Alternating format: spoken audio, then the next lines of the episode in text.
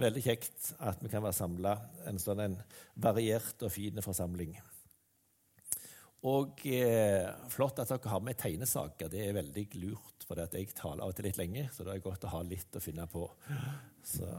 Men siden det er noen unger her, så tenkte jeg jeg må ta med en stubbe. De som har hørt meg tale før, kan jo hende ha hørt dette før. Altså, det, det, er litt sånn gjengangere. Eh, men eh, jeg kan ikke finne på noe nytt heller. Det jeg har opplevd, har jeg opplevd. Men da var det iallfall en av mine gutter. Han hadde gjort noe som ikke bare var litt gale, det var spinngale. Eh, og jeg eh, ble sint, eh, og jeg tenkte at her skal han få høre eh, litt eh, kraftig og alvorlig at sånn så det oppfører vi, faktisk, oppfører oss ikke her i huset. Så jeg var liksom litt sånn, litt sånn sånne skritt sånn skikkelig Vi øste meg opp der. liksom. Nå skal han få høre at eh, Og så kommer jeg fram til guttungen min og er akkurat klar til å begynne å kjefte. Og så sier han sånn som dette Jeg er glad i Jesus, jeg. Og, og da må jeg si at jeg eh, mista litt piften, rett og slett. Jeg kom helt ut av det og visste ikke helt hva jeg skulle si. Eh, og jeg har ennå ikke funnet ut om dette var veldig sånn taktisk eh, lurt tenkt, eller om det bare var et hjertesukk ifra han. Men eh, det som jeg har i fall tenkt på etterpå, eh, når jeg tenker på den historien, det er at det, det er noe fantastisk eh, i forhold til det å være en kristen. Fordi at du og meg, om vi er voksne eller unger, så gjør vi av og til noen ting som vi ikke skulle ha gjort. Noe som er gale. Skikkelig gale. Eh, og da er det fantastisk å kunne si 'Jeg er glad i Jesus', jeg. For han er den som kan tilgi oss synd. Han er den som kan komme til når det har gått skikkelig galt i livet. Eh, og så er han den som kan tilgi og, og, gi oss det vi trenger aller mest. Jeg har tatt med meg noen bøker, eh, og jeg syns jeg får så mye godt av å lese gode bøker, så derfor tenker jeg at det kan jeg dra med meg. og så kan vi støtte de kristne bokhandlene vi har igjen. Eh, så Ei bok som jeg syns er veldig flott, eh, den er ikke helt ny, eh, men det er en som heter 'Da Gud grep inn'. En som heter Ove Eikje, som har samla historier fra 18 forskjellige personer som forteller sine vitnesbyrd. Og det er litt sånn ifra nyere tid. Og jeg syns det er veldig oppmuntrende å få se hvordan Gud på ganske forskjellig måte møter mennesker og gir dem et nytt liv. Og at det skjer òg i vår tid. Og Det som jeg har tenkt eh, om og praktisert også med den boka der, det er at eh, når du har lest den og kanskje blitt litt begeistra sjøl, så er det faktisk en veldig god gave til noen som kanskje er litt sånn eh, Du vet kanskje ikke helt hvor du har de hen, og kanskje er de tydelige på at de ikke er kristne. Men det er ganske vanskelig å argumentere imot forvandla liv. Eh, så jeg har gitt den til noen som jeg ber for, eh, og som jeg ønsker skulle få kjenne Jesus. Og så tenker jeg at det er, det er også, eh, Av og til så får vi ikke til å si så mye, men kanskje hvis vi får lurt noe borti noen, og så kan de lese noe, og så kan det kanskje være med å dra noen inn til Jesus. Så den vil jeg anbefale. Den koster 100 kroner.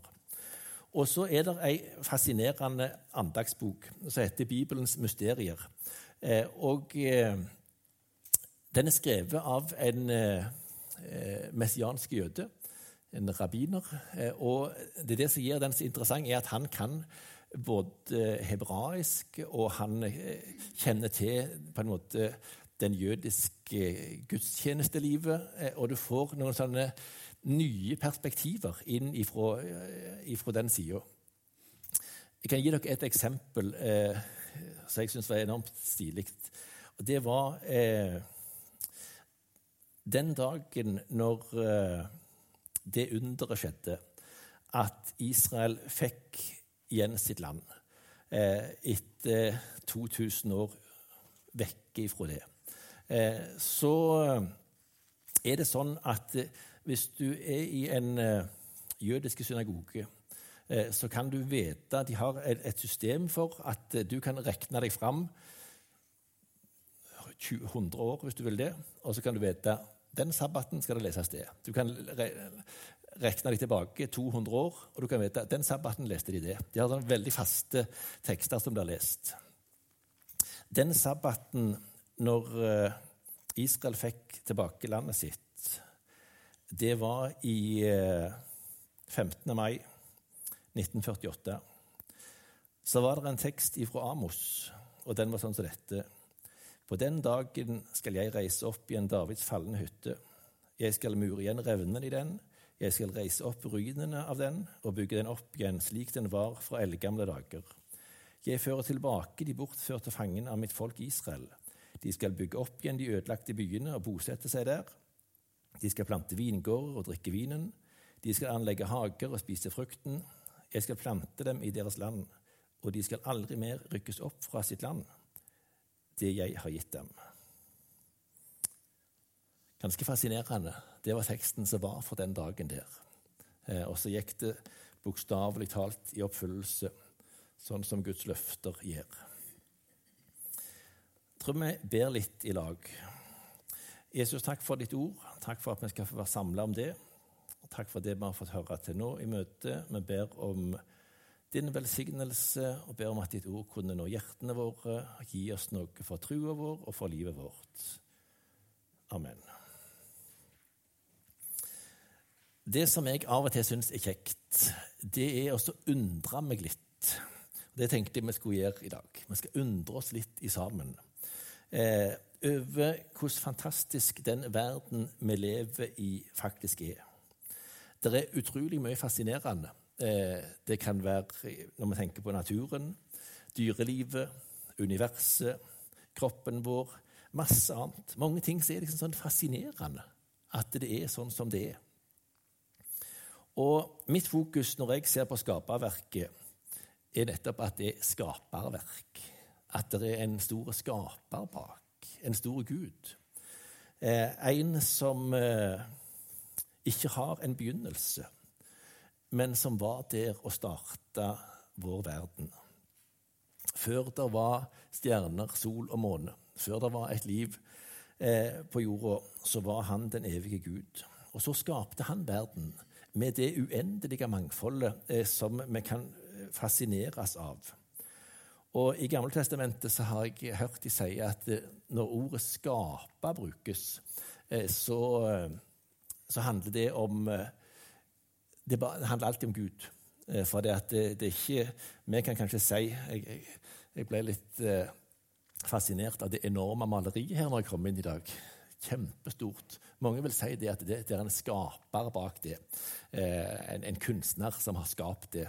Eh, men sånn brukes det ikke altså, når det står i Det gamle testamentet, for da er det å skape ifra ingenting. Han her han har hatt eh, et lerret, har hatt maling og pensler og, og uh, det som han trenger. Men når Gud skaper, så var det bare Han sa det, og så ble det. Sånn skapte Gud.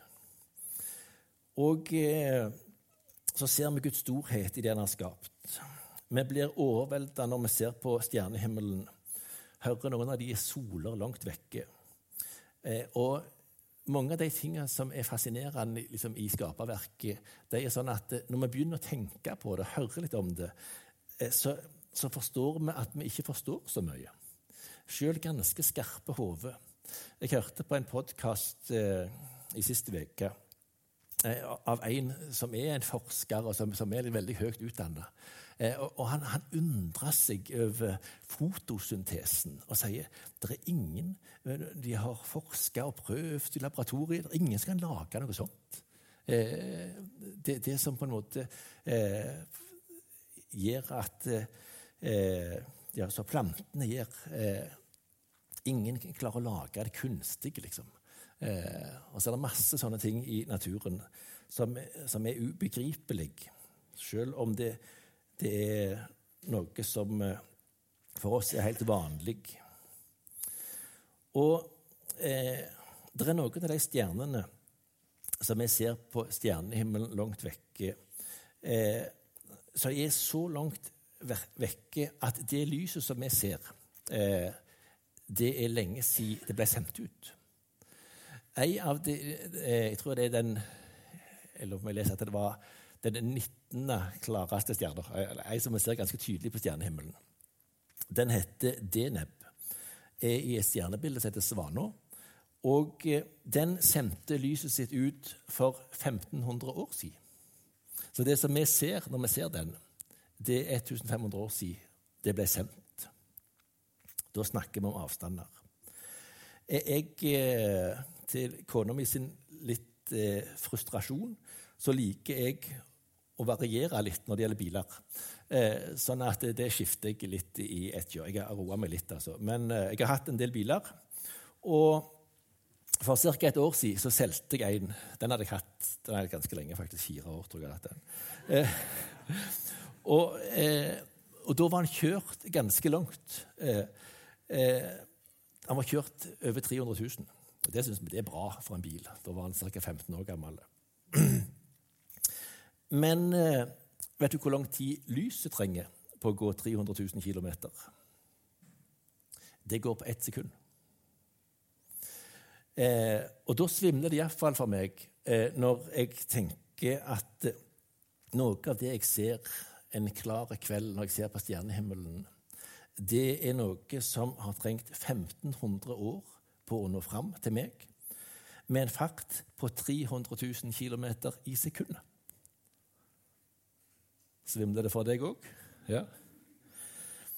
Eh, og så er det så mange stjerner at det selvsagt ikke går an å telle dem. Abraham fikk jo eh, beskjed om det. Kan du se opp? Se på stjernene. Klarer du å telle dem? Nei, det, det, var, det, klarte han ikke. Og det går ikke an. Eh, når jeg googla litt om dette, så kom det opp sånn som dette. Det er ikke nøyaktig, selvsagt, men det er nok ikke helt feil å si at det er om lag 100 ganger så mange stjerner i det observerbare universet, altså det som det går an å se med de sterkeste stjernekikkertene. Eh, det er ca. 100 ganger så mange eh, stjerner som det er sandkorn på strendene på jorda. Så da kan en begynne å telle noen hver. Eh, nei, det, det, er, det, er, sånne ting som vi ikke Vi klarer ikke å se det for oss. I dag hadde jeg og leste litt om avstander. Ikke om det er Håvard eller Møyfri som har bøker om stjerner. og, og sånt, Men jeg leser iallfall en bok jeg fant. Lurte der. Og så sto det noe sånn som dette. Hvis vi krymper sola eh, og planetene i vårt planetsystem til en ti milliarddel eh, Da har vi krympa det ganske godt. Da blir sola som ei stor grapefrukt. Sånn 14 cm i diameter. Eh, og eh, avstanden til jorda den blir 15 meter. Da Da blir det liksom sånn i enden av huset her, kanskje. eller sånt. Det er avstanden til jorda hvis du har det, den størrelsen. Og da er jorda som et støvkorn 1,3 millimeter. Eh, så da har vi krympa det ganske godt. Og avstanden til planeten i vårt planetsystem som er lengst vekke, den blir 600 meter. Da er det til Pluto. Men det som var virkelig interessant, det var avstanden ifra vårt planetsystem, som da si er 600 meter vekke, til den nærmeste stjerna. Eh, hvor langt tror du det kan være? I denne målestokken her så blir òg den nærmeste stjerna tilsvarende sola vår, som ei, stor grapefrukt. Da er det 4000 km til den nærmeste stjerna. Så det vil si at liksom ifra grapefrukta her som vi er, og til neste på en måte av den størrelsen, eh, så er du på Kanariøyene. Det, det, er liksom bare sånn Wow! Eh, det er helt enormt eh, eh, hvordan svært dette er. Fascinerende, ubegripelig, guddommelig.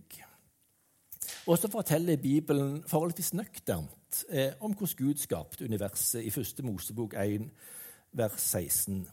Gud laga de to store lysa, det største lyset til å herske over dagen og det minste til å herske over natta, og stjernene i en bisetning. Gud setter dem på himmelkvelven til å lyse over jorda. Og så står det i Salme 33.: Ved Herrens ord ble himmelen skapt, hele himmelherren ved pusten fra hans munn. Og Her er nettopp dette med når Gud skapte. Da sa han bare Lag et univers med stjerner og sol og måne og så en jordklode. Eh, og så bang, så var det der. Eh. Og så er det en litt sjokkerende opplysning i Salme 147. For der er litt dette vi sa, det er jo aldeles uthellende. Det er jo helt umulig å vite hvor mange det er. Men så står det i Salme 147, vers 4. Han veit hvor mange stjernene er, og gjev alle navn. Vår Herre er stor og rik på kraft. Hans forstand er uten grenser. Noen av oss har en del unger. Vi har fem. Og da er det litt sånn at eh, først så kaller du opp eh, bestefar, kanskje, og så en bestemor, eller hvis du holder på med sånt. Hvis ikke så bruker du de navnene som du liker best. liksom. Men når du kommer til nummer fire og fem, så er det litt sånn uh, Hva skal denne ungen hete? så mange, mange, av de litt seint ute i rekka har hett ungen i månedsvis eh, før de har fått et navn. Eh, men her står det altså Han vet hvor mange stjernene er, og gir alle navn. Og da passer det Vår Herre er stor eh, og rik på kraft. Hans forstand er uten grenser. Vi var i Oslo en gang, eh, og eh, da var vi inne i et fascinerende bygg. Det heter Deichmanske bibliotek. Noen som har vært der? Ja, et Kjempestilig bygg. Eh, og i det stilige bygget der er det 1,4 millioner bøker. Så der kunne en holdt på en stund hvis en skulle lest seg gjennom det. Men vet du hvor mye informasjon det er plass til i din hjerne. Det hadde du kanskje ikke tenkt på å følge opp. Men det er ca. 14 Deichmanske. Eller 20 millioner bøker. Du har sikkert en del kapasitet igjen, du òg, før det er helt fullt. Ja. Ganske stilig. Og det som er stilig òg i forhold til vår hjerne eh, og informasjon, det er jo litt at eh, bøker, det, ja, der, der, leser du informasjon. Eh, men det som vår hjerne òg gjør, det er at han assosierer med en lukt, med en smak, med et synsinntrykk. Bang, bang, Oi, der, der var det. Far min han var voksen opp i Kina. Og så husker jeg på, Han var blitt en godt voksen mann. Eh, så, så, sier han åh, de der liljene der, det minte meg om feriefjellet i Kina. Haishan så var det ei lukt. Åh, da var han tilbake i barndommen sin. Eh, sånn er, er, er, liksom vår hjerne lagt. Utrolig fascinerende. Når Bibelen forteller om skapelsen, så står det òg i, i vers 20.: Fuglene skal flyge over jorda, opp under himmelkvelven. Og Jeg har lest ei bok eh, der det er en som òg undrer seg over skaperverket og Da skriver han om en av, av fuglene. Den heter beringelo, liggende på vår heilo. Den blir klekt ut i Alaska, men den overvintrer på Hawaii. og Det er 450 mil. Og eh, før han skal ut og reise, da, når han har eh, blitt klekt ut, så legger han på seg 50% av vekta.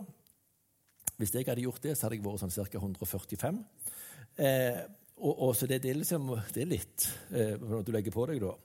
Og så fyker han i ett strekk uten at han er nede, for ikke, jeg tror ikke det er noen øyer i det uh, strekket der. Uten å hvile i 88 timer, med en gjennomsnittsfart på 51 km i timen. Og i den farten så varer denne her reserveprovianten akkurat. Eller det vil si, det gjør han hvis denne fuglen fyker i sånn en V-formasjon og de bytter på å være fremst, eh, så går det akkurat. Eh, og så syns vi at det er flott med GPS når vi skal finne fram til ukjente plasser. Denne fuglen reiser en enorm strekning og finner en plass han aldri har vært før. Eh, og finner ut hvordan han bør organisere seg for å klare hele turen. Det vitner om en stor skaper. Han har lagt dette ned i, i, i denne fuglen. For det er, ikke, det er ikke sånn at foreldrene fyker først og viser vei. heller. De, de fyker på forhånd, for det regner med de andre kommer etter å finne veien. Fascinerende. Vi ser at Gud er stor med å se på det enorme universet, med å se på eh, sånne ting i naturen som vi snakker om nå. Hjernen vår og fugler og dyr. Utrolig mange ting det går an å undre seg over. Og så er det òg noe eh, Du har kanskje hørt om at det er noe som heter DNA-molekyler. Eh, og det gir på en måte Det viser oss at hver enkelt av oss er noen skikkelige originaler. Det er du om du tror det eller ikke, har han sagt. Eh, men eh, det skal altså ikke mer enn eh, et hårstrå til for de som forsker på sånt. Så kan de skille deg ut fra alle mennesker i hele verden og si her har du vært. Jeg fant det håret der. Det hører mest om de kriminalsaker. og sånt dette her. Men, men, men sånn er det. DNA-et vårt. Og lenge før noen mennesker kom på at mye info kunne lagres i noe bitte lite, så gjorde Gud det på en måte som vi ikke forstår. Eh, vi syns jo det er fascinerende hvis jeg får en sånn bitte liten sånn USB-greier. Oi, 16 gigabyte! Wow, det var skikkelig bra, altså. Eh, men eh, nå begynner de, å, de som forsker på sånt lagringsting, de har nå begynt å se DNA er jo det, det, er jo bedre enn noe av uh, Det kommer ikke i nærheten av lagerkapasiteten som har nå, det som finnes i DNA. Så eh, i en forskningsartikkel om arbeid de holder på med for å prøve liksom, å utnytte dette eh, som lagerkapasitet, så sier de at den teoretiske lagringstettheten er på 1 exabyte eh, per kubikkmillimeter. Altså 1 milliard gigabyte. Ikke om dere opererer med sånne tall, dere? Nei. Dette er ifølge forskerne minst én million ganger høyere lagringstetthet enn det som er mulig med dagens lagringsteknologi. Eh, så syns vi, snakket om det i går, i vår levetid så har det skjedd enormt mye. Teknologisk og alt vi tenker Vi kan alt snart, liksom. Det er helt utrolig. Men ennå er det sånn at en er milevis ifra eh, å kunne gjøre noe av det som Gud lagde på et blunk det er én million ganger høyere lagerkapasitet i vårt DNA enn i noen annen ting som mennesket har lagd for å lagre. Og samtidig så kan DNA ta vare på informasjon i hundrevis av år. Selv under ganske ugunstige forhold så bevares denne lager, eh, det som er lagra. Et enkelt DNA-molekyl hos et menneske inneholder tilstrekkelig informasjon til å fylle 1 million trykte sider. Ca. 30 milliarder tegn. Nei, 3 milliarder tegn. Det er ganske mye. Når vi ser på mange sånne ting i skaperverket, så er det nesten merkelig at ikke flere ser at det må stå en skaper bak verden. Bibelen sier noe om det i Romerbrevet 1, vers 19 og 20. For det en kan vite om Gud, ligger åpe framfor deg. Gud har sjøl lagt det åpe fram. For hans usynlige vesen, både hans evige kraft og hans guddom, har mennesker kunnet se og skjønne av gjerningene hans, helt fra verden ble skapt. Derfor har det ikke noe å unnskylde seg med. Bibelen sier det. Det at det fins en skaper, at det fins en som har ei evig kraft, ei som, har, som er guddommelig, at det fins en som har skapt verden. Det går an å se bare med å gå ut og løfte blikket og se på stjernene. Eller å, å studere litt av det fascinerende i skaperverket. Jeg hadde noen lærere når jeg gikk på Fågen skole, eh, som eh, var der eh, i eh, alle år. De var ikke kristne. Eh, han, mannen er fra Fågen, han, han, kjente godt til kristendom. Men kona hans var trønder, var ikke vokst opp med noe sånt. Det står om det i denne boka. Og hun skriver at hun satt og så på TV. En kveld så var det intervju med professor Kjell J. Tveter. Det er han som hadde skrevet om den Beringloen. Eh, han skriver, som snakket om livets mysterier. Jeg fulgte med på flere programmer med han. Det ble en vekker for meg at det finnes en skaper som står bak. Gud har nedfelt en hårfin balanse i naturen som hindrer kaos. Da frelsesbønn, frelsesbønn ble bedt i programmet, falt jeg ned på kne i stua og ba om frelse, forteller Sølvi. Ganske stilig at det, var, var, det Ja, det må jo være en skaper bak. Og så bød du kne med TV-en. Ja. Men jeg tror mange Hvis vi snakker sånn som jeg har gjort nå, så er det mange som kan si ja. Jeg forstår Det høres faktisk mer sannsynlig ut at det er en intelligens bak alt det fantastiske som fins. At det er en skaper bak, enn at dette er liksom blitt til helt tilfeldig, bare på slump. Ja, Det høres mer naturlig ut at det, noe så fint må ha en, en skaper. Men ifra at eh, det fins en skaper, til å si det som du sier, at denne skaperen bryr seg om deg. Det er et ganske langt, eh, langt skritt, på en måte. Det blir rett og slett for dumt. Greit, det kan være en veldig skaper, eh, eh, en, en sånn kraft som har klart å, å lage alt. Men de som tror de har et personlig forhold til Gud, de må jo rett og slett være litt innbilske. Hæ? Jeg sier det. Ja. Ser du på himmelen der, og stjernene er fantastisk. Ja, vet du hva? Altså, jeg, her i formiddag så hadde jeg faktisk en god prat eh, med han som lagde det. Ja da, Og han snakket til meg, og jeg snakket med han. Det var en god stund. Han er forresten faren min. Ja, det høres jo rart ut. Vi må jo kunne si det. Eh, I Salme 8 så står det når jeg ser din himmel, et verk av dine fingrer, månen og stjernene du har sett der, hva er da et menneske at du husker på det? Et menneskebarn, at du tek deg av det. Når vi står og ser på stjernehimmelen, hører om de ufattelige dimensjonene på det, så blir vi jo små, egentlig. Men eh, når vi ser at Gud bryr seg om hver enkelt av oss, eh, da blir vi egentlig store. Da blir vi betydningsfulle òg i, i, det perspektivet med det enorme skaperverket. Kan det være sant at Gud bryr seg om meg? At han bryr seg om mitt liv?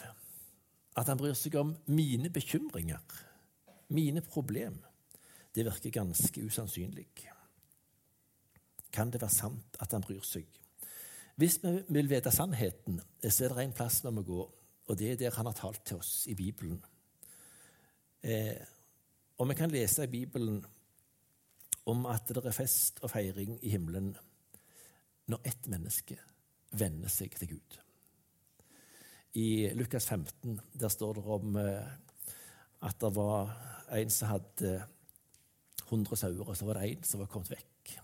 Og når han gikk og lette og fant den, så gleda han seg og lagde til fest. Jeg fant den sauen jeg hadde mista.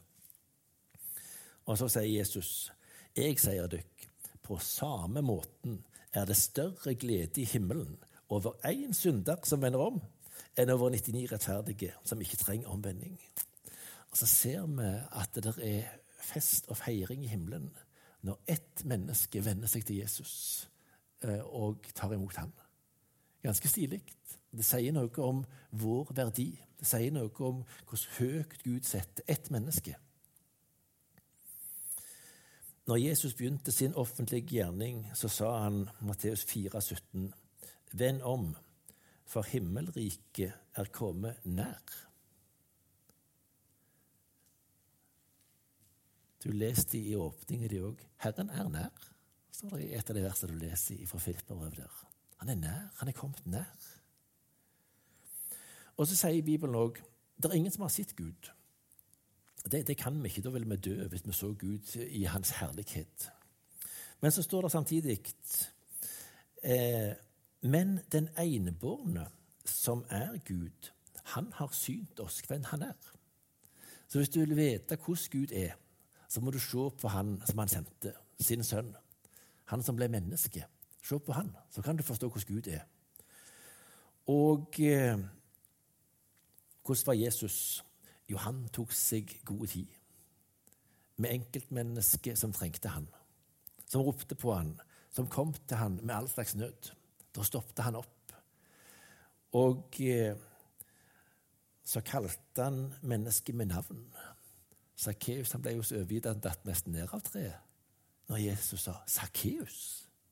Hvordan visste du at jeg hette det? Jo, det visste han selvsagt. Han kjenner ditt navn. Han vet hvem du er.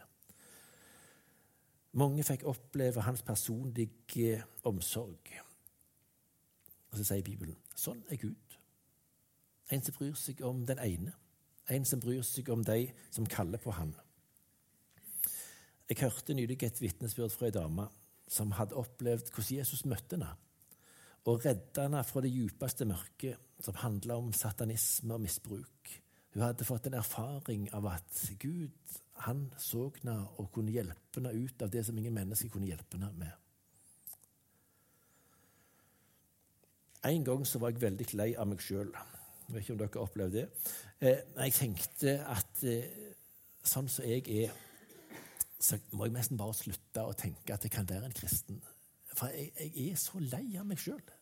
Jeg syns at det var eh, Det jeg hadde sett av meg sjøl, det, det, var liksom sånn Nei, jeg, jeg, jeg tror jeg, bare, jeg tror ikke jeg kan være kristen. Slettes ikke reise rundt og vitne om han. Det er jo helt håpløst. Og så greip jeg andagsbok og så tenkte jeg jeg må ha et ord. Eh, og så håpte jeg at dagens ord kunne være noe eh, ifra Gud til meg. Og da sto det og jeg vil igjen ta meg av deg. Og så ble det veldig konkret inn i mitt liv. Gud så hva jeg trengte den dagen, eh, når jeg hadde lyst til å gi opp. Jeg vil igjen ta meg av deg. Eh, og så ble det hilsing fra himmelen. Det viste meg at Gud brydde seg om akkurat meg. Og så tror jeg du òg kan vitne om mange ganger Du leste, du hørte Guds ord, og så merket du Gud er nær. Han berørte meg, han ga meg noe som jeg trengte på en spesiell måte. Og så sier Jesus, der to og tre er samla i mitt navn, der er jeg midt iblant de. Og så er det noe det går an å få tru, og så får vi av og til kjenne det på en spesiell måte. Ja, her er Herren nær.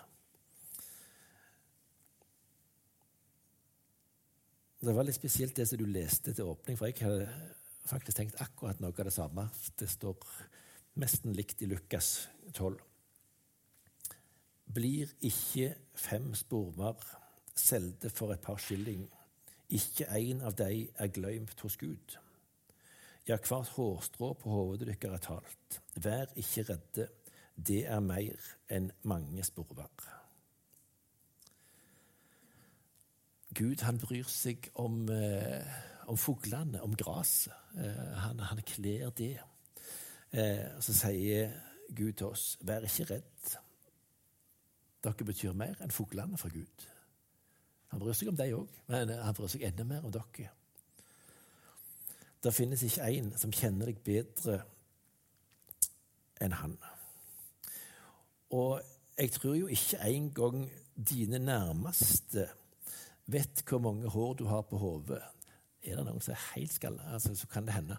Eh, hvis det ikke er noen igjen. Men, men eh, det er det visst ikke.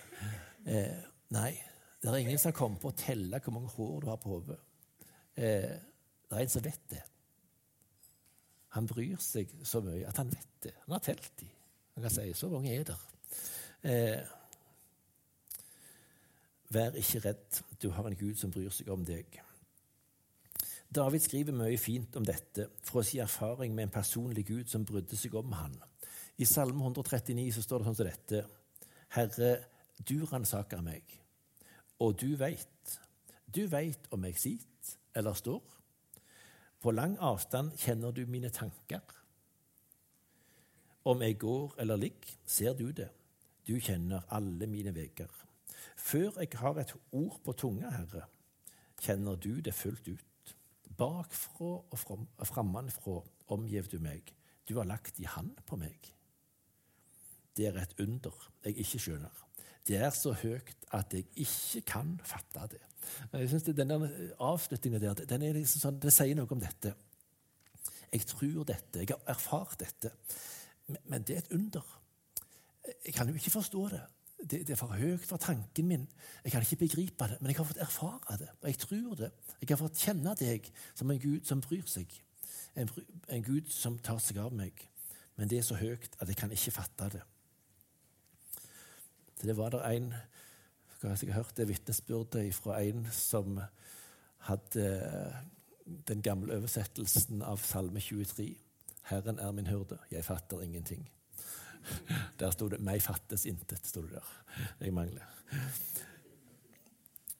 I løpet av det siste året så har jeg blitt bestefar, og det må jeg si, det er stor stas. Eh, noe av det som er fint med en liten unge, det er at den trives best når noen er helt nær. Og jeg har flere ganger meldt meg frivillig når vår vesle Enok har vært urolig. Eh, da tar jeg han opp og så legger jeg han inn til brystet mitt, og så går jeg liksom og rikker meg, og så, så roer han seg, og så sovner han av og til. Eh, og plutselig var han rolig og trygg. Før jeg gikk opp her, så så vi 'Jeg er Guds barn'. Jeg er Guds barn. Det er min lovsang. Jeg er Guds barn. Elsket av Gud. Frelserets brud. Tenk å få være Guds barn. Det sier noe om nærhet òg, det. Sier noe om en som vil holde meg helt inntil seg. I Romerbrevet 8 så står det det fikk ikke den ånda som slavene har, så det på nytt skulle leve i frykt. Nei, det fikk anden som gir rett til å være Guds barn, den som gir at vi roper Abba, far. Og så kan noen tenke du er innbilske, du, som tror at Eh, kongenes konge, han er din bror. At eh, universets skaper er din far. Men eh, det er Gud som sier det. Du kan få si 'pappa' til meg. Tenk at dette bildet er det som Guds ord bruker om oss som følger Jesus. Rett til å være Guds barn, sånne som roper 'Abba' eller 'pappa' til Gud. Når vi var små og var redde eller leie og ropte på pappa, så opplevde mange av oss at det var en jordisk far som ga oss trøst og nærhet, som lot oss sitte på fanget. Tenk at Bibelen viser oss den allmektige, veldige Gud som har skapt verden, og viser oss en Gud som kjenner hver enkelt av oss, og som bryr seg om oss. Dere husker kanskje at jeg las litt ifra Salme 147 om en Gud som visste hvor mange stjerner det var, som ga navn til alle stjernene. Eh, det er en salme som altså viser oss Gud, han er stor. Han er mektig. Han er veldig. Men det som jeg syns var enormt fascinerende når jeg forberedte meg, og så så jeg at eh, i den samme salma som, som, viser oss Guds storhet og makt, så står det sånn som dette i vers 3. Han leker deg som har et syndbrutt hjerte, og bind om såra deres. Dette er den Gud som er så stor at vi bare må undre oss. Vår Gud er stor og rik på makt. Men han er ikke bare det. Han er òg en som er nær. Han leker deg som har et sunnbrudd i hjertet, og han binder om såra deres. Og i vers, Det sto i vers 3. I vers 11 står det Herren gleder seg over de som frykter Han, og venter på Hans miskunn. Tenk det. Du som tror på Han og har fått en ærefrykt for Han eh, som Gud. Gud gleder seg over deg. Er ikke det litt Vi har sikkert hørt det mange ganger, men når vi har hørt om hvem Gud er, er ikke det litt fascinerende? Universets skaper han gleder seg over deg som frykter han, og som venter på hans miskunn. Selv om Gud er stor, så er han nær. Han bryr seg om de som har knuste hjerter. Han bryr seg om de som har indre og ytre sår. Gud er stor, men han er ikke for stor til å bry seg om deg. Han er tvert imot stor nok for alt som er for stort for deg. Det syns jeg er fint. Og så er han så stor at ingenting er ukjent eller umulig for han. Samtidig så nær at han hører hvert sukk og hva bønn som rettes imot han. Kjære Jesus, takk at eh, vi kan få ha ditt ord, der vi kan få kjenne deg. Du som er den veldige Gud, større enn vi kan klare å forstå. Du er òg en Gud som er nær, som er omsorgsfull, som bryr, som bryr deg om hver enkelt av oss. Ber om vi kan få glede oss i dette. Ber om vi kan få være med og forkynne sannheten om deg, sånn at enda flere kan få kjenne deg. Og takk for uh, ditt ord ber for oss som er her, om vi kan få, få se og glede oss over den du er. Amen.